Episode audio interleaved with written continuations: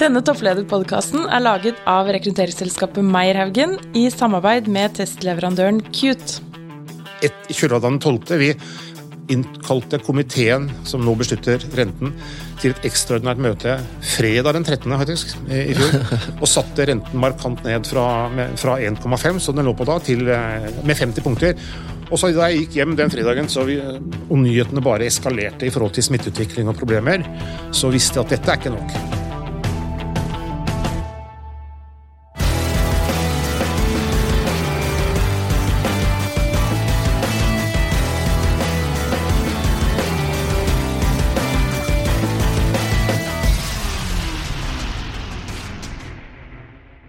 Sverre.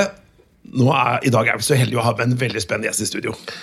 Ja, og Han er jo på mange måter ikke bare toppleder, men han er liksom på et vis litt sjefen for alle som lytter òg. Ja, Og så har hun vært sjefen min i eh, sju år. eh, Og velkommen til deg, Øystein Olsen, sentralbanksjef. Takk for det, Petter. Og eh, I dag så skal vi da prate om topplederskap, vi skal prate litt om Norges Bank. Vi skal også prate litt om kanskje situasjonen Norge står overfor nå i eh, ja, Vi er på kanskje tampen av koronaen, hvis vi er litt uh, heldige. Og så har vi også med oss eh, Mathias Meyer, som er da representant for studentene på samfunnsøkonomi på Universitetet i Oslo. Velkommen. Ja, takk. Fordi Gratulerer med valg av studium. Det er Veldig klokt valg. Godt valg. For Vanligvis så er det sånn Øystein, at vi, vi pleier å stille på slutten av disse podcastene, så stiller vi det vi kaller tre kjappe. Men i dag så skal vi altså la studentene ved makroøkonomi på Universitetet i Oslo stille de tre kjappe. Så det gleder vi oss til, Mathias. Ja, Mathias også, Da var det formann på, for, på fagutvalget for studentene. Det stemmer, så vi, eh, vi har spurt rundt, og så har vi fått inn litt spørsmål fra studentene, så de får du bryne deg på etterpå. Ja, det ser jeg frem til. Bra. Men eh, hvis, eh, altså, du har da vært sentralbanksjef, og du har vært det nå eh, i eh, Ja, hvor mange år har du vært Dette er det mitt nå? ellevte år, faktisk. Ja, ikke sant? Og så er det da to perioder av seks år. Så du er jo eh, du, du er på en måte en person som har satt virkelig merke etter deg på samfunnsøkonomiske betraktninger i Norge, da. I en ganske spesiell tid.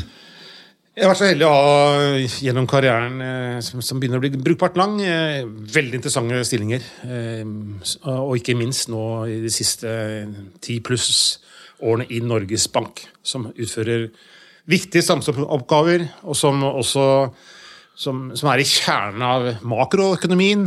Da tenker jeg på sentralbankens klassiske oppgaver. Og så har vi jo en veldig viktig oppgave i tillegg til det som vanligvis tilfaller en sentralbank, nemlig at vi er hjemmet for eh, oljefondet. Eller Statens pensjonsfond utland, som det offisielle navnet er. Så det er mye spennende å ta fatt i og jobbe med.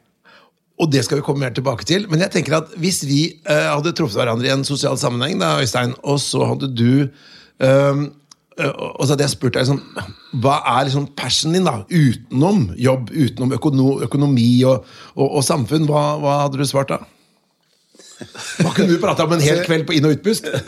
Altså jeg, jeg, har, man, man har, altså jeg, jeg er ganske idrettsinteressert. Eh, de, jeg, vet at, jeg vet at eh, noen, man har notert seg, og jeg har vel bidratt til det selv gjennom eh, elleve årstallene, og sender en slags hilsen til eh, fotballklubben i mitt hjerte, og det er Stabæk fotball. Alltid uansett. Alltid uansett, ja. Som, som, som jeg har eh, fulgt i tykt og tynt fra jeg var guttunge. For jeg, er født og oppvokst rett ved Nadderud stadion, faktisk. Hva Sa du at du sender en hilsen? Ja, det er ment som en liten altså, Det er kanskje litt feil å si i, når jeg snakker til det norske folk, men, men eh, fra starten av Ja. så var det helt klart en, en liten hilsen til Stabæk, som på det tidspunktet, i 2011, var inne i en av sine litt krevende perioder. og Da, Ja. da Noe av budskapet mitt var at pendelen svinger. Det, kom- det, ja, det er vanskelige tider, men det kommer alltid lysere tider. Uansett. Det var på en måte meldingen den gangen. Og, og så er det, er det vel et sånn slogan for Stabæk at alltid uansett, og så avslutter du alle årstallene dine med alltid uansett. Det er, nærmest sånn. som et ammen. Det er blitt sånn etterpå. Det er veldig morsomt, det visste jeg ikke. Men så er det vel også at Er ikke du en um, Er det ikke en Stabæk-sang hvor de prater om Øystein, og, og, og det er deg? En sang som Ja, starta for lenge faktisk, siden? det er faktisk Øystein på sete nummer ti. Ja. Det, det, det der har jeg et nært forhold til. Og bakgrunnen er at det, det, altså det flotte med fotballen er at når man er på tribunen og sitter til å ha et fast sete, som nummer ti i mitt tilfelle, så er man, man, man det, er ikke, det er ikke hvem man er, hva man driver med, som er poenget. Det er det at man deler sorger og gleder sammen. Ved siden av meg i mange år hadde satt Jørgen Roll, som også eh, er en sånn er en kjendis. Han er, var sjef for Norwegian Wood-festivalen. Nå er han sjef for Konserthuset, administrativ leder der. Men poenget er at han er en, han er musikalsk. Han, er, han, han, lagde en sang etter at Stabæk vant uh, serien uh, i 2008, om brorskap og vennskap og følelser, om hvordan det oppstår på tribunen. Så det, det, er, det er, en sang som jeg, som jeg, som jeg lytter til med, med da, da, banker hjertet mitt når jeg hører den sangen, helt uavhengig av at jeg nevnes. Poenget er at, at man, man, man, deler sorger og gleder, jubler sammen eh, og, og, blir kjent på den måten på tribunen. Men jeg må jo spørre da, fordi jeg og Petter vi har en sånn intern liten konkurranse. Vi pleier å spørre gjestene våre. da. Og da, Jeg har jo allerede skjønt at jeg har tapt. Men vi pleier å spørre gjestene hvis de måtte velge jakt eller fotball. Da er det fotball. Jakt, jakt eller fotball? Ja. Ja, klart fotball. Jeg har aldri altså jeg, har, jeg, jeg, er glad i friluftsliv generelt, i likhet med veldig mange andre nordmenn. Ja. Og jeg, jeg har, har, respekt for at de som driver med jakt Det viktigste er å være ute i naturen, gå i fjellet eller i skog og mark. Ja. Eh, men, men, jeg har aldri trykket på avtrekkeren mot, et, eh, mot noe levende vesen, faktisk. Nei, nei. Så den interessen har jeg ikke. Da er det poeng til deg. Fotball er svaret. ja. Men du, jeg tenkte vi skulle si litt om Norges Bank. da. Som sagt, Jeg har vært rekrutteringssjef i Norges Bank. Var det i sju år. Eh, men eh, sluttet der for tre-fire år siden og begynte da dette rekrutteringsselskapet sammen med, med Sverre. da. Men eh, det som jeg synes er veldig interessant med deg, Øystein, det er at du kunne nav fornavnet på alle i Norges Bank, og det var 300-400. Og det var ganske raskt etter at det hadde begynt, så du, du liksom, må ha en ekstrem hukommelse, og også er du veldig opptatt av folk. Jeg, jeg, det, jeg, håper og mener og tror det siste er sant. Det, det bør man være når man er leder. Man bør være, altså lederskap er å, du, du, må ha en faglig basis. Eh, å være engasjert i, i å kunne mye om det du driver med. Men så må du, være, så må du bry deg om folk. Altså, det er de to viktigste lederegenskapene. Det jeg mener. Eh, kjenne virksomheten, kunne faget, virksomheten, men så må du være Du må, du må like å, å, å, omgås folk. Og du må like å lede også. Eh, og I tilfelle Norges Bank så er det et er enkelt svar på den, den, det hintet der, nemlig at det er en fantastisk institusjon med viktige oppgaver og med enormt mange dyktige mennesker. Med, med, med et veldig godt miljø. Og så I forhold til fornavn så jeg, altså, jeg, jeg, håper, jeg, har, jeg, håper jeg har brukbar hukommelse. Men, men ikke, det er mange eksempler på at jeg ikke har en ekstrem hukommelse. Men jeg, er blitt ganske god på navn. Og så har jeg den teknikken, og det er, jeg lite, det er et lite hint det, det, Fornavn.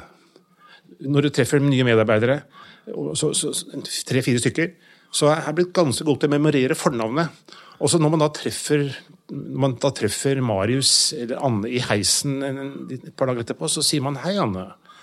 Og da blir, da, og da, det, altså, det, det, er noe som jeg er litt bevisst på. Å lære meg fornavn og sånn sett bli, eh, bli litt kjent med, med, de enkelte medarbeiderne. Det er veldig hyggelig, da. Ja, jeg må bare si at det var Det er en ganske hierarkisk organisasjon som Norges Bank er. da. Og når da sjefen sjøl husker navnet ditt og du, liksom, du er liksom nesten ærbødig. Liksom, sånn der, 'Hei, Petter.' Og jeg bare Wow, vet du hvem jeg er? Bare det at du visste hvem folk var, det var jo virkelig imponerende. da. Men jeg tenker sånn at Norges Bank har jo vært en, en uh, Altså, De ble 200 år i 2016, uh, eh, og har jo hatt Det er liksom av de store, viktige institusjonene i Norge. Kan ikke du fortelle liksom, Hva er mandatet til Norges Bank? Det er, et veldig godt spørsmål. Vi, vi liker å snakke om banken, sentralbankens oppgave. Altså, vi, er, landets sentralbank. Eh, og en sentralbank er for det første bankenes bank. Eh, vi, er, vi, stiller opp for bankene som har, på sin side har konto i Norges Bank. faktisk. Så hvis vi er bankenes bank i gode tider, helt normalt. Eh, og bankene er, er en viktig del av måten vi påvirker og styrer pengevesenet på i Norge. Og så er vi bankenes bank i vanskelige tider, f.eks. når en pandemi treffer og det oppstår problemer i økonomien. og Det er veldig viktig at bankene blir utstyrt med nok kapital, nok penger, nok likviditet, for å bruke et fremmedord. Eh, og da, og da er Norges Bank der og tilfører bankene i 2020, fra og med mars i fjor, massive mengder med likviditet. Og så er vi mer allment eh, en bank som sentralbanken har som oppgave å stabilisere eh, pengevesenet og pengeverdien. Og pengevesenet har jeg så vidt vært innom. Det skjer mye av stabilisering gjennom at vi utnytter våre relasjoner til bankene. Og så har vi, som folk vet, vi har som oppgave å sette renten, sette styringsrenten, som er, som er det som ligger i ordet. Styringsrenten, som i sin tur bestemmer og styrer nivået på andre renter i økonomien. Så vi, setter, vi setter renten. Vi sørger for at den jenten får gjennomslag, som vi kaller det, i markedsrenter, i bankrenter. Eh, så det er, det er, det er, dette er klassiske sentralbankoppgaver. Og så har vi en annen veldig stor viktig oppgave, samfunnsoppgave, som er helt spesielt for Norge og for Norges Bank, nemlig at vi, Stortinget har bestemt at vi fortsatt skal være At vi skal fortsatt håndtere og være eh, Statens pensjonsfond utland på vegne av Finansdepartementet som er eier, altså det norske folk er eier, og eierskapet skjer via storting og, og, og, og, regjering. Og så har de gitt Norges Bank et mandat, et veldig detaljert og spesifikt uh, mandat, som uh, beskriver hvordan Norges Bank da, også i fortsettelse skal forvalte disse nå 11 000 milliardene. Så det, en, det, ligger i kortene, og folk vet dette. Det er en, det er en veldig viktig eh, oppgave som vi også har. Men jeg, jeg, da må jeg spørre, da. Fordi det er jo et enormt ansvar som ligger i denne jobben. Et kjempeansvar. Elleve år siden så gikk du inn i dette. Var det ikke skummelt? I starten? Jo, jo litt skummelt og litt spen spenning skal det være når man, når man, påtar seg en utfordring. Men ikke skummelt i, i, i, i den betydningen at man Jeg, jeg gledet meg. Ja. Eh, da, da, jeg først eh, si, var gjennom prosessen, hadde det, det, det motiverte meg for stillingen. Eh, og, og, regjeringen pekte på meg. Eh, du verden så engasjerende og spennende det var. Jeg kaller det gjerne litt skummelt, men, men først og fremst preget av positiv, positive forventninger. Eh, ydmykhet også, ja. i forhold til å påta seg en sånn jobb, selvfølgelig. Men eh, så må jeg legge til at jeg, dette var en, en, jobb som var i kjernen av det som engasjerer meg. Ja. Eh, I kjernen av faget makroøkonomi, pengepolitikk, utøvd, som jeg har kort har beskrevet, er i kjernen av faget. Og så har jeg fulgt Statens pensjonsfond utland, altså oljefondet, fra fødselen av. For de har en bakgrunn eh, fra Finansdepartementet, så jeg, jeg, var, jeg, var, i, jeg var, i, var i, i, Finansdepartementet, eller rett i nærheten, da, da, da fondskonstruksjonen ble etablert. Eh, og de første pengene ble satt inn på fondet i, i, i 1996. Eh, mm. Og jeg var der også da fondet hadde vokst i ganske betydelig størrelse, og regjeringen innførte den såkalt handlingsregelen for å disponere pengene, som skal styre pengebruken over tid. Det skjedde i 2001. Da var jeg også embetsmann i Finansdepartementet og hadde mye med akkurat dette å gjøre. Ja. Så, sånn sett så følte jeg at det var eh, Dette var ingen langtidsplan for meg å bli sentralbanksjef. Eh, men da først muligheten bød seg, og, og, og så var jeg, var jeg, ikke i tvil om at jeg hadde lyst til å påta meg denne jobben. Mm. Og nå er det gått elleve år. Hvis jeg kan spørre en ting til. Hvor, hva er de største forskjellene i jobben din i dag fra da for 10-11 år siden? da? Har det endret seg noe, eller er det det samme? Altså, det er, det er, at ting er i utvikling hele tiden. Er, altså, heldigvis er sentralbankens hovedoppgaver, som jeg kort har beskrevet, de ligger, ligger fast. Mm. Eh, så har det skjedd mye i økonomien som har måttet håndteres. Har, eh, jeg, var, jeg, kom jo inn etter finanskrisen. Det var en skjellsettende begivenhet for en sentralbank, og sentralbanken måtte reagere og bidra. Og, og det, men så har det vært andre, en del annen turbulens. Det kom en fase to av finanskrisen, det som kalles eurokrisen, eh, i 2011-2012. Eh, som måtte håndteres. Da var det igjen fare for at finansmarkedene skulle gå i stå. Eh, og det var stor oppmerksomhet rundt dette i Norges Bank. Det var seminarlignende møter mellom eh, sentralbanksjefen og, og, og, og regjeringen. Og, så har vi så kom oljeprisen det, det roet seg, og det gikk, det gikk bra. Mario Draghi som ECB-sjef gjorde whatever it takes for å redde euroen, og det lyktes de i. Så kom oljeprisfallet i 2014. Det måtte håndteres. Og så kom det en enda større krise, har det vist seg, enn mm. finanskrisen i forhold til de økonomiske virkningene. Nemlig pandemien som bare som, som smalt innover oss alle i, for et, et temmelig nøyaktig et år siden i dag, tror jeg. Er det ikke, er det ikke 12. mars i dag? Ja, det er akkurat det. Det er, ja. det er, det er ettårsjubileum fra Eller jubileum, markeringen, for å si det sånn, da, hvor vi da sendte folkene våre hjem Eh, til lunsj for akkurat et år siden i dag. Da stengte vi kontoret og sendte folk hjem, og da husker jeg tenkte Wow, dette er spesielt. Og da husker jeg laget en post på Facebook og sa at 'keep calm and carry on'. og, så, og, det er eh, Det var nesten godt vi ikke visste, tenker jeg. Mm. For ingen trodde at det kanskje skulle vare et helt år. Nei, vi, altså, vi, vi, vi, var jo litt sånn urolige, kanskje. De fleste som bor i dette landet. Pandemier er ikke noe hyggelig å høre at det kommer snikende fra Kina via Nord-Italia. Og det hadde vel vært det første smittetilfellet i Norge også litt i forkant. Jeg tror det var i slutten av februar. 26. februar, tror jeg. Så var det første smittetilfellet i Norge. Men, men, du har helt rett. jeg husker den perioden veldig godt. Vi skulle forberede en ny pengepolitisk rapport som hadde publiseringsdato 19.3. Vi var i ferd med Tidlig i mars var jeg i ferd med å forberede dette. Og vi var, vi var, ikke i nærheten av å se alvoret i situasjonen i forhold til smitteutvikling, helsekonsekvenser og økonomiske virkninger. Men, men så kom det. Nedstengningen skjedde, og vi måtte snu oss helt rundt. Eh, den, den, et, I kjølvannet av den 12. Vi innkalte komiteen som nå beslutter renten, til et ekstraordinært møte fredag den 13. faktisk, i fjor. Og satte renten markant ned fra, fra 1,5, som den lå på da, til, eh, med 50 punkter. Og så Da jeg gikk hjem den fredagen så vi, og nyhetene bare eskalerte i forhold til smitteutvikling og problemer, så visste jeg at dette er ikke nok. Så Uken etter, den 19., så, så satte vi renten ytterligere ned til 25 punkter, altså til en kvart prosent. Og så gikk det noen uker frem til mai hvor vi endte på null. Så vi, vi, og så skjedde det veldig mye annet også mm. eh, på sentralbankens bord. Fordi vi, skulle, vi, måtte motvirke den uroen som, hadde, som samtidig oppsto i finansmarkedene. Jeg, og det, er, det, kunne jeg snakket mer om, men det, da, da, vil jeg trenge en del tid. ja. Men vi tenkte også å si sånn eh, jeg synes Mye av den diskusjonen som har vært i media, da har jo selvfølgelig vært eh, smitte og vaksine og helse. Da, viktig nok selvfølgelig. Og så har det vært veldig mye på dette med kompensasjoner når vi er da midt i krisen. Men det vi merker nå, da, eller i hvert fall kanskje hvis vi er optimistiske anlagt, så tenker vi kanskje at, at, den vaksinen begynner å bite litt eh, fra seg fram mot sommeren, og at høsten kanskje kan bli litt normal. da. Eh, hva, hvis vi da skulle si litt om hva tror du er de økonomiske utsiktene for Norge la oss si til høsten, og hvordan skal vi komme oss ut av dette her? Vi har nå vært i et års tid. Ja, dette, dette, tenker vi mye på eh, hele tiden, og ikke minst nå om dagen. Um, du nevnte smitteutvikling og helsekonsekvenser og tiltak for å beskytte befolkningen. Da, nedstengningen. Det, det, er sånn nå at eh, i, hos alle prognosemakere så er det antakelser rundt nettopp smitteutvikling, og tiltak for å motvirke helsekonsekvenser, som er avgjørende også for økonomien. Og da er Det slik at det, det har vært et, et skjellsettende år. Eh, det har vært det kraftigste tilbakeslaget i, eh, i norsk økonomi siden andre verdenskrig.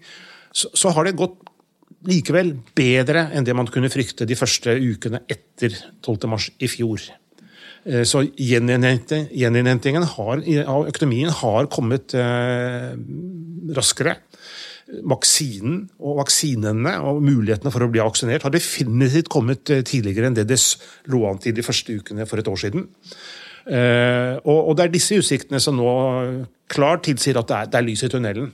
Så, så vi, vi, ser for oss, hvis det bare går slik det nå ser ut til, og som vi alle håper og tror på, nemlig at det, som det heter, den voksne befolkningen vil mer eller mindre være vaksinert innen sommeren, ja, så er det grunn til å, å, å, si at vi er over den verste kneiken.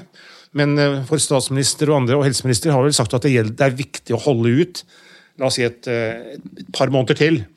Eh, inntil akkurat det skjer.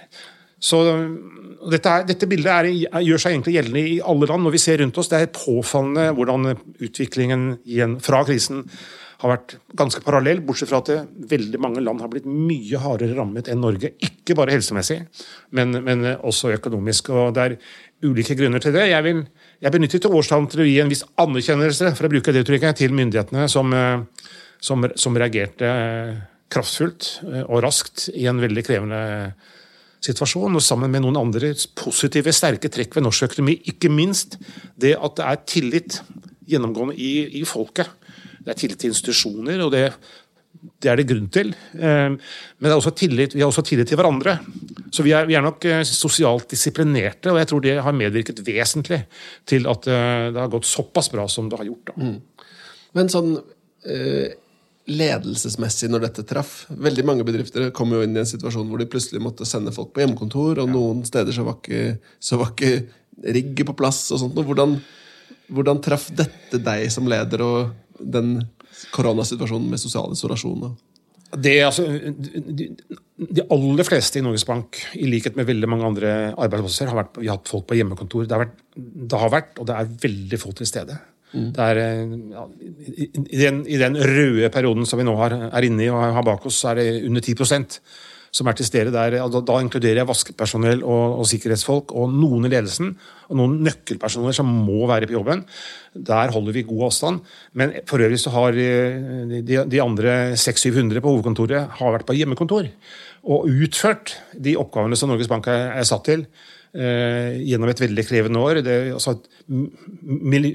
store, store transaksjoner daglig knyttet til oljefondet, men også til Eh, løpende virksomhet eh, i sentralbanken har vært utført, som jeg har beskrevet det, fra kjøkkenbenken, fra kjellerstuer eller barnerom, eller hvor det nå måtte være plass. Dette her, så Det har fungert, men det har vært et helt spesielt år. Krevende år. Eh, og det er klart det, for, for medarbeidere så kjennes det nå som det har vart såpass lenge Alle lengter etter å se frem til at dette er over, slik at man kan komme tilbake på jobb utføre oppgaver sammen. Treffes over en prat, treffes over en kaffekopp eh, til en prat. Eh, men, men, likevel så er jeg imponert over eh, hvordan Norges Banks medarbeidere har håndtert oppgavene. Og så vil jeg legge til at det, det er andre virksomheter i Norge som, har, enda, som har hatt enda tøffere. Det er grupper av personer og mm. arbeidstakere som har, som har mistet jobb, og som har en usikker jobbtilværelse. Eh, og som ikke vet om de har en jobb å komme tilbake til, de er på et annet nivå i forhold til eh, utfordringer som de opplever. Det har man også respekt for. Har, har, det, vært, eh, har det, vært, vanskelig for deg som leder, eller? I dette? Det har vært, det har vært et veldig spesielt år for, for, for, for, meg som leder også. Men jeg vil si igjen, det, det, det er det som er altså, Jeg skal ikke si det er flott å oppleve kriser, da det kan misforstås. Men det er, det er flott og fint å oppleve når, det kommer en, når man blir utsatt for en sånn type krise, når det kommer en storm. Eh, så, så, så, så kommer folk sammen. Eh, alle, form, alle, alle de små diskusjonene som, som, av og til kan bremse liksom, fremdriften på noen prosjekter, de legges på is. Ja. Alle, alle, er innstilt på å holde skuta flytende eh, og konsentrere seg om det som er viktig. Og utføre de oppgavene som jeg også har beskrevet, enten man er på jobb på kontoret eller på, på, på hjemmefronten. Så det, det, det, å oppleve å, være leder da, for en sånn gjeng, eh, hvor alle jobber mye og godt, eh, og, og står på kan, kanskje enda hardere og, og tydeligere enn i, enn i, en normal hverdag, det er, det er, noe, det er noe, fint med det òg. Å, å, stå i en strid. Og, og, særlig når vi nå håper og ser at vi har kommet gjennom det på en uh, bra måte. Og så var vi handlekraftige, vi også i, i, i, mars i fjor. Det vil jeg i hvert fall mene. Ja. Og, og, selvskryt skal man lytte litt til, fordi det kommer fra hjertet. Det ja. Men det var i hvert fall et tydelig shout-out til folka som jobber i Norges Bank her. Det er ikke noe om. Ja, en stolt sjef. En stolt sjef. Ja. Men du sier at det har vært et krevende år. og Det har klart det har vært oljeprisfall, det har vært eh, en pandemi, det har vært en rekordhøy arbeidsledighet. Og så har det jo vært litt hva skal jeg si, utfordringer organisasjonsmessig hos dere også. Eh, er det noe du har kunnet tenke deg å, å, si litt opp i forhold til valg av ny uh, sjef for oljefondet? Hva tenker dere der? Ja, altså det var, det var, det var altså 2020 for å gå tilbake til det, var jo et, eh, et veldig krevende år. Altså Pandemien står definitivt, det rammet oss alle. Var, uten sammenligning så var det det som, eh, som krevde mest oppmerksomhet i, i hele banken. Så hadde vi, så, så var, hadde vi, en, vi, en, vi hadde en ny sentralbanklov som var forholdsvis fersk, som hadde konsekvenser for hvordan vi organiserer oss internt, med, med en ny administrativ enhet som med, med, felles administrativ funksjon for hele, på tvers av hele banken. Det var noe nytt.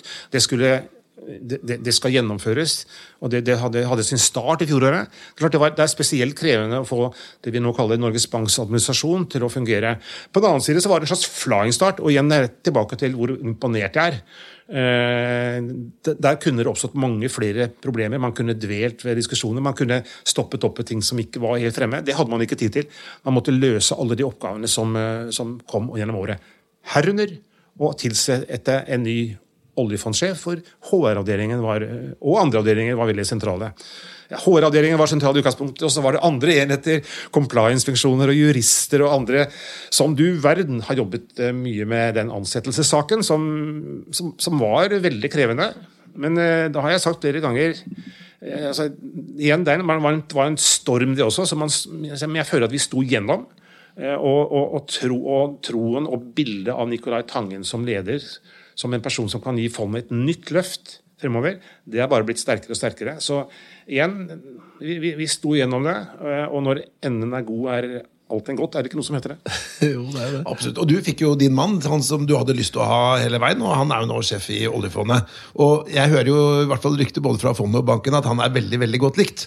Og det er veldig mange tomler opp derfra. Han har definitivt uh, tilfredsstilt de forventningene som vi hadde til ham som leder, også i forhold til ledertype. Ja. Ja. Tenkte vi skulle gå litt over dette med personlighet, Sverre. Ja, det er spennende. Og, og, da er det jo morsomt å spørre deg, Øystein, hvis, hvis du skulle beskrive deg selv, altså, hva, hvem, hvordan er du som type? Da, da, har jeg hørt noen rykter om at du har vært på podkaster om personlighet, eller i hvert fall testa deg selv tidligere? Ja, Jeg vet ikke om jeg skal ta alle de sidene, men, eh, men det, er, det, er, vanskelig å beskrive seg selv. Eh, men jeg, jeg jeg har et, altså Gjennom et brukbart langt liv etter hvert, så har man noe som eh, jeg, jeg, jeg trives med folk. Mm. Det, det, gjør jeg. Og jeg, og, det, og, en annen måte å si det på jeg, og jeg hører andre si det, og det er hyggelig, det. å si at jeg, jeg, jeg, jeg, er ganske omgjengelig. Jeg liker å, å, å, å, samarbeide med folk. Jeg liker å Og ekstrovert, introvert, er det ikke noe som heter det? Min, mine venner sier at jeg Alt er relativt, men at jeg er ekstravert. Jeg vet ikke om det. Ja. Men, men, andre får egentlig beskrive det litt mer grundig. Ja. Men jeg, liker å jeg, liker, Og jeg bør like, som leder, ja. som jeg sa tidlig og, omgås folk, samarbeide med mennesker. Uh, og så har jeg, tror jeg har et eh, jeg, jeg, jeg har, alle, alle, mennesker har sine alvorlige sider, og det bør man ha, for livet har jo også alvor. Ja. Det, er sånn som, det, er ting som man grubler over og reflekterer over.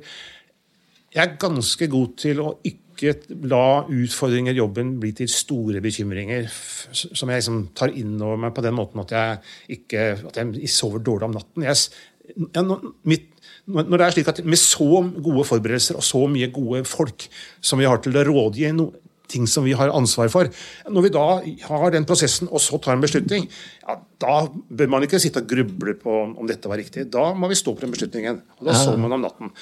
Så har jeg andre ting, bekymringer i livet som gjør at jeg har, ikke sover så godt. Ja. Det, er, jeg, jeg er ikke, sånn, det gjelder jo alle mennesker. Ja. Det fins enda enda mer alvorlige ting i livet ja. enn å gruble på en, eller annen, en, en rentebeslutning. Så er det vil være best mulig forberedt. Ja. Og det er mitt grunnsyn i jobben. Men det, det, det, er jo liksom naturlig Når vi snakker ledelse og jobb, så blir det jo at man tenker i en jobbkontekst. Men hvis jeg hadde spurt familien din, da, kona di eller de som liksom er deg nærest, hva, hvordan ville de beskrevet deg, tror du? Altså, da, da, tror jeg faktisk noen vil Så jeg, Noen ville si at jeg litt, kan være en litt bekymret person. Oh, ja. i forhold til eh, begivenheter i livet. Men det, men det, er jeg heller ikke alene om. Altså, jeg, jeg, jeg er, eh, er, nok mer enn vanlig bekymret over eh, hvis, hvis det er ut fra en, det kan være helsemessige eh, problemer. Eh, altså, igjen, ting som når, når, når barn eller noen andre i familien har vanskeligheter, eller er utsatt for noe, ja. og, og, gjennom livet, så skjer jo det. Ja, ja. Så, eh, så, så der, der, er jeg mer enn vanlig bekymret, tror jeg. Så da du egentlig... det er litt motsetning mellom det og det jeg prøvde å beskrive i forhold til jobbsituasjonen. For det var det som var litt interessant. Da har du liksom, det er to Eller det er en annen, annen setting. Da. Jeg har helt klart noen fryktpunkter. Ja. Det er helt klart. Ja, men det er veldig, veldig åpent og ærlig, ærlig sagt. Du, vi, vi, en, vi, samarbeider i denne podkasten med en testleverandør, eller vi bruker også en testleverandør i våre rekrutteringsprosesser, som heter Cute Aon. Og de har en test som heter Shapes Executive. Og Der har vi spurt dem hvilke trekk tror dere er liksom vanlige hos toppledere. Og nå skal vi teste de trekkene om på deg. Vi har ikke tatt noen test, men du skal få lov til å si kjenner du deg igjen i dette. Vil du si at dette beskriver deg? Er du klar? Det er åtte, åtte trekk. Okay. Overbevisende ja, ja, kanskje. Jeg tror jeg, jeg søker intens, kanskje. intens? In, altså, intensen ble kalte min far meg. Ja. Jeg er engasjert, og jeg, jeg ønsker å overbevise. Det tror jeg. Ja, ja. Hensynsfull. Der kan du få Jeg du kan få ulike svar. Jeg, jeg, håper at jeg er hensynsfull i noen, en del sammenhenger. Eh, men, men altså, igjen eh, Livet er mangeslungent, og det er mange sider. Eh, og det er mange situasjoner hvor man jeg, jeg, jeg, det er klart, i, i no, Privat og i forhold til nærmeste, det kan være venner, så har, har jeg mange ganger fått høre ja. Det kan være min kone Eller det kan være andre som sier at jeg, at nå, nå er det kanskje litt eh, at, Og jeg kunne hatt litt mer hensyn. Ja, riktig. ja. Eh, resultatfokusert. Ja, det tror jeg er. Ja. Besluttsom. Ja, jeg tror jeg ja, ja på det òg. Teoretisk. Ja, jeg blir mye ja.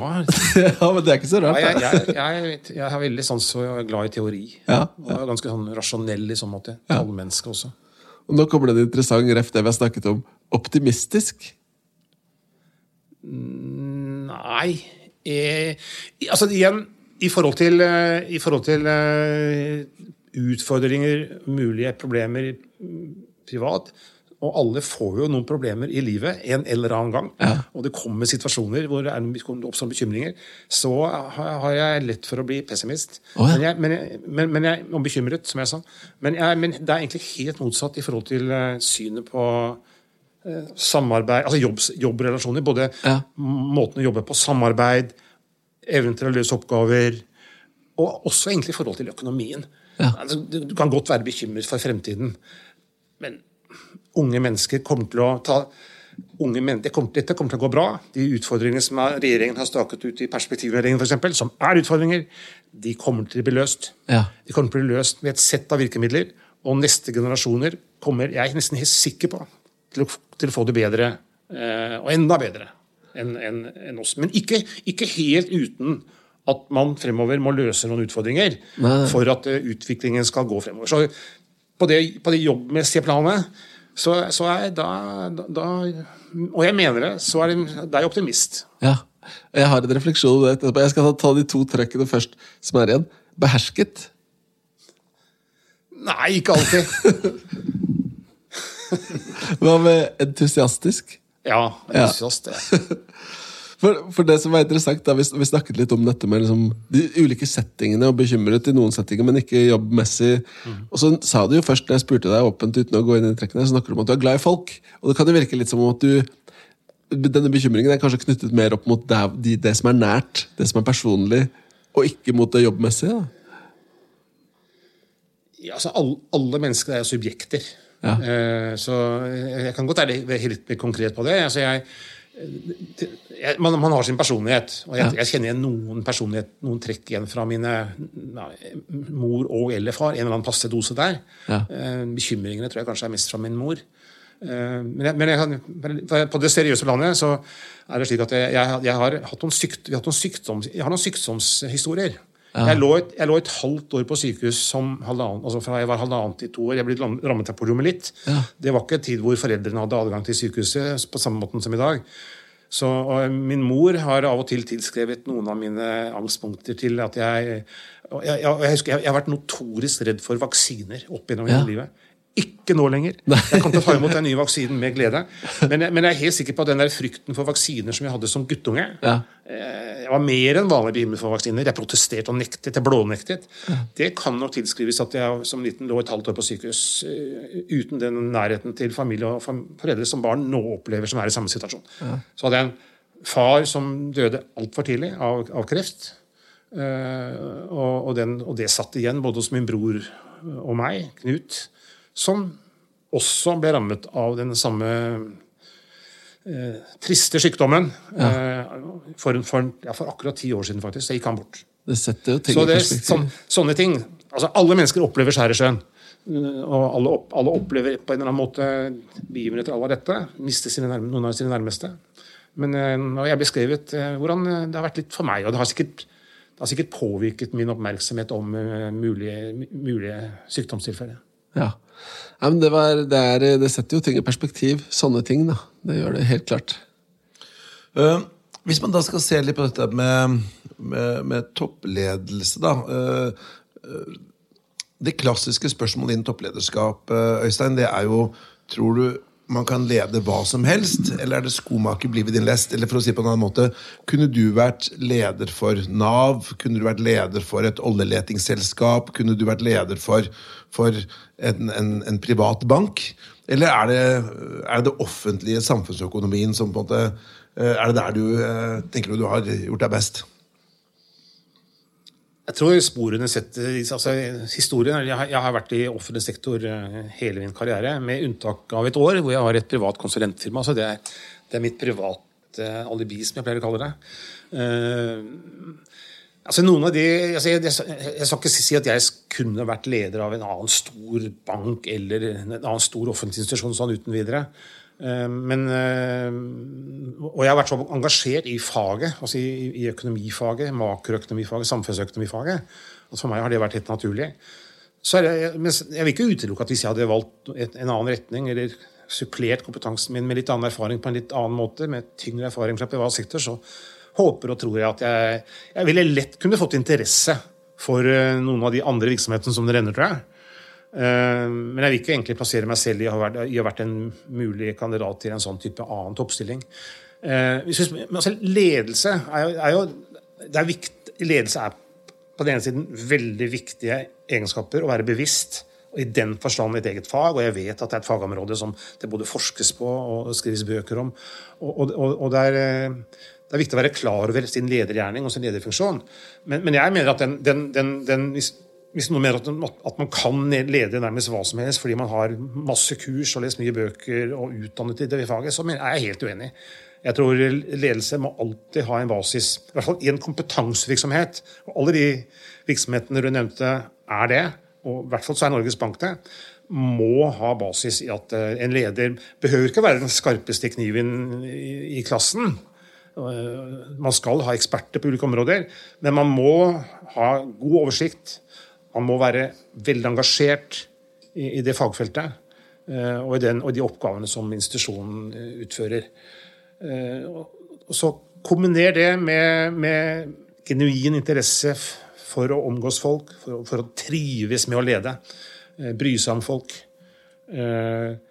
Sette sammen, sette sammen en ledergruppe som ikke består av stereotyper, men, men gjerne folk som det, som på fotballspråket kalles litt komplementære egenskaper. Slik at man kan spille hverandre gode og utfylle hverandre, snarere enn å være helt like. Enten det er kjønn eller andre egenskaper som går på tvers av personlighetene. Så, så, sånne ting er, viktig, er viktig, og det trives jeg med. Apropos det med, med å være toppleder versus uh, mellomleder. da. Du har gått gradene, men hva vil du si er den største forskjellen mellom det å være nummer én i en organisasjon som du er nå, versus det når du var mellomleder for mange år siden? Hva var den store forskjellen her? det er, en, det, er en, det, er en, det er en stor forskjell om, i ansvar når man er på toppen i en type institusjon som Norges Bank, så er det veldig mye som skal gå gjennom deg. Eh, av, at alle beslutninger av viktighet eh, til syvende og sist skal, eh, skal du forholde deg til og, og, og, gjerne beslutte og eller melde, veldig, eller melde veldig klart tilbake. Så, samt, og annen- så, så det er en stor forskjell, og den, det gjelder bare på, helt på toppen. Så, så, det, så blir man i mye større grad mottaker av, av godt forberedte arbeider, vurderinger. Mens man som avdelings- eller eh, enhetsleder eh, selvfølgelig har medarbeidere under seg og leder og opplever noe av det samme som nå jeg beskriver i den enheten eller avdelingen. Så, så, så eh, alle, jeg som enhets- eller avdelingsleder og alle avdelingslederne mine de, de, de er aktive og skriver ut ting selv. De jobber vel, mye mer operativt da, det med å skrive og jobbe frem materiale, utføre beregninger. Selv om de også har gode hjelpere, så, så, er, det, så er det en stor forskjell. Når du kommer helt på toppen i en så stor institusjon, så blir det typisk eh, my, veldig mye lesing av notater. Eh, for, det forholder seg til innspill. Eh, tidlig og sent. Eh, og så melde tilbake. Så er det, er det ensomt? Det er noen, noen tidligere som har beskrevet det som litt sånn ensomt fordi man sitter alene med ansvaret. Du, er, det er, det er, du, du, du føler ansvaret. Men nei, nei, hovedsvaret mitt er nei. Jeg føler overhodet ikke ensomt å være på toppen, og slett ikke på toppen i Norges Bank. Jeg føler snarere fellesskapet. Ja. man er bevisst ansvaret, men, men, men eh, man, man, man, man treffer, man treffer særlig normale tider, men også nå. Jeg har jo vært mest på jobben, og, noen, og, og i ledergruppen min så treffer jeg ikke hele, dessverre, hver dag, men jeg, jeg, jeg omgås folk jevnlig, mye møter. Så nei, nei, ensomhetsfølelsen er helt fraværende, egentlig. Men jeg skjønner spørsmålet likevel. Eh, Man, man, føler, man, man, vet at man er toppleder. Eh, Men jeg vil legge til også, Petter, du, har, du, du var også jevnlig i kantina. Jeg, I normale tider, så lenge vi hadde muligheten til å gå i kantina, det har vi dessverre ikke hatt nå de siste månedene, så la jeg vekt på å gå i kantina. Og det var ikke bare at jeg la vekt på det fordi jeg, det var et strategisk grep. Jeg, jeg, føler, jeg har alltid gått i kantina. Eh, Og, og der treffer man også grupper, enkeltmennesker, utover de man, treffer, man møter i, i, i ordinære møter. Og Da er det kjekt å huske navn på folk. Ja, da er, det, da, da er det kjekt å huske navnet på folk, og så plukker man faktisk opp eh, eh, også nettopp eh, over lunsjbordet. Et, en, en ting en annen øh, disse topplederne vi har hatt i denne podkastserien, har sagt, er at det, pro problemet med å være toppleder da, det er at alle spørsmål som havner på ens bord, er vanskelige spørsmål som ikke har klart blitt løst lenger i organisasjonen. Så det er veldig sjelden lette problemstillinger. Ikke sant? Noen ganger må man bare signere på det, men, men hvis folk lurer på hvor skal vi gjøre A eller B, så har ikke det blitt løst på vei oppover gjennom kanskje flere ledd. Eh, Er det sånn situasjonen er for deg òg? Det, oppstår, det, er noen sånne, det er noen situasjoner gjennom, gjennom, en, eh, gjennom en tid som toppleder i en institusjon, så opplever man noen, noen saker hvor du selv må gå godt tungt inn i saken og, og gjøre et valg hvor, hvor knuten ikke er løst opp i på forhånd.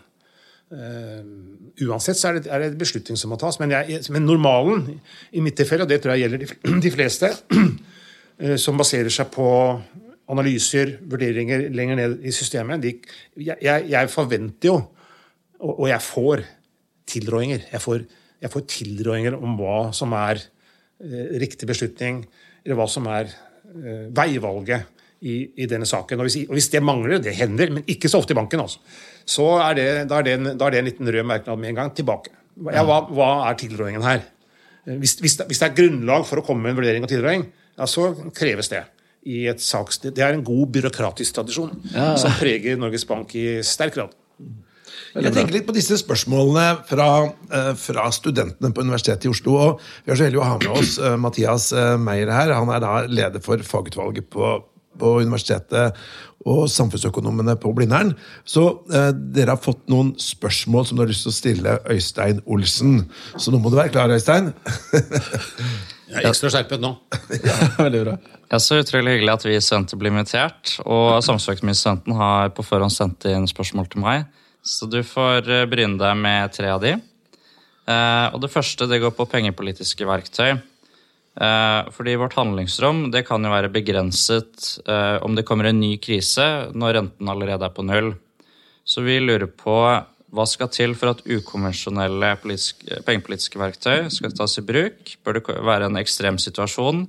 Eller bør Norges Bank observere at ECB eller Fed gjør det først, før det kan bli aktuelt?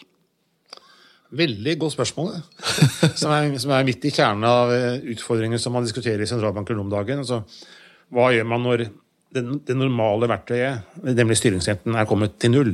Og det gjelder Europa, der den har vært i lang tid, og nå har også vi satt renten til null.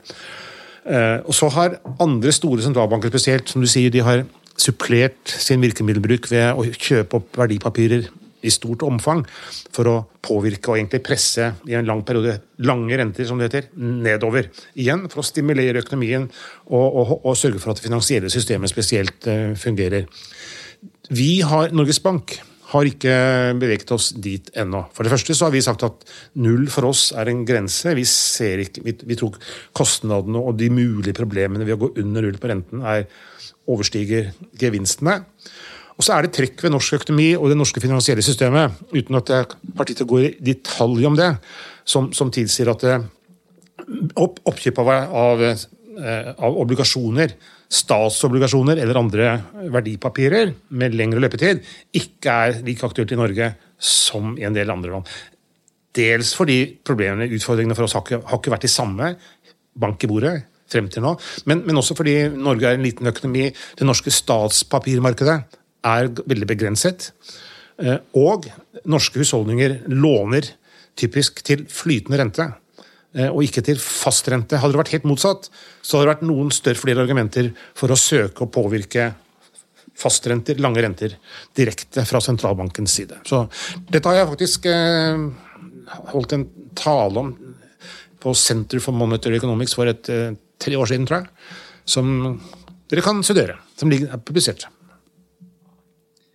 Det andre spørsmålet det går på eiendom, for det er jo mange studenter som kanskje etter hvert kommer til å bli førstegangskjøpere.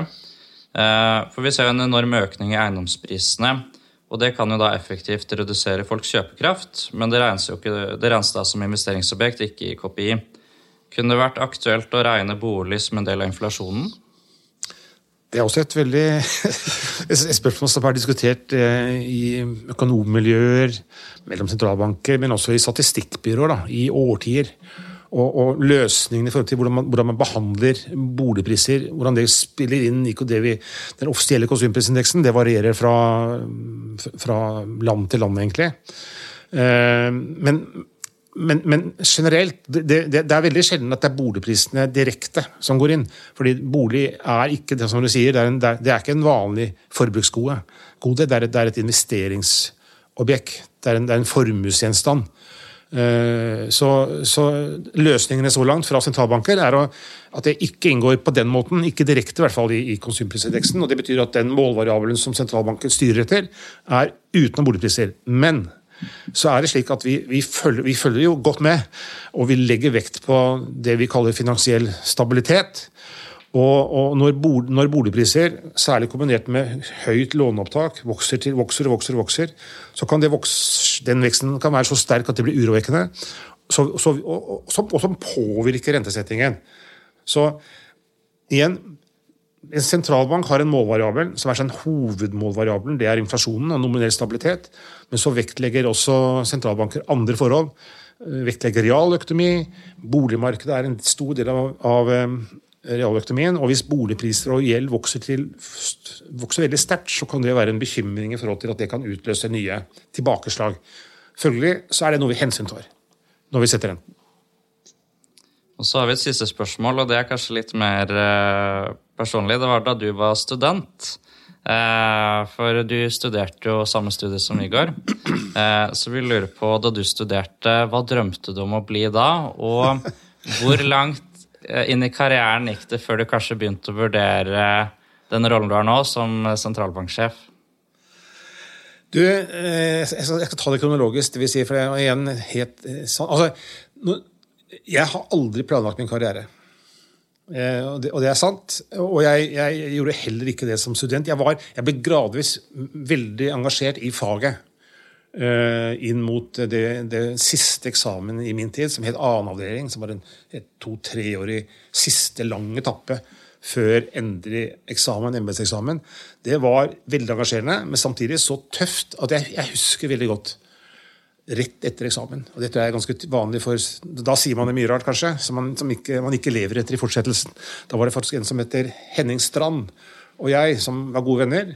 Vi begge gjorde det ganske bra, viste det seg, til eksamen. Eh, Vi, vi sa et, når vi er ferdig nå, skal vi i hvert fall ikke drive med sånn strengt faglig jobb. Sa vi, sa vi. Det skal vi i hvert fall ikke drive med. Sa vi. Henning Strand han begynte i Norges Bank. Og jeg begynte i Statistisk sentralbyrå. Begge tungt faglig jobb. Det gikk, gikk ikke mange dager og ukene før den uttalelsen var borte. Og så til oppfølging til resten av eh, si, karrieren. Jeg, jeg, jeg har vært veldig heldig. Jeg jobb- jobbet i veldig gode miljøer, inspirerende miljøer med tung faglig basis. Eh, Så det var en elendig prognose jeg ga meg selv egentlig den gangen. Eh, Og så har jeg egentlig alt vært veldig har jeg trivdes veldig bra der jeg er. Eller har vært. Eh, Og aldri som Og det er i hvert fall helt sant at jeg, da jeg tilbake til 2009-2010 helt fram til sommeren 2010, da jeg var sjef for Statistisk sentralbyrå, så hadde jeg en klar tanke om at, at jeg håpet og tror jeg skal få en ny periode der.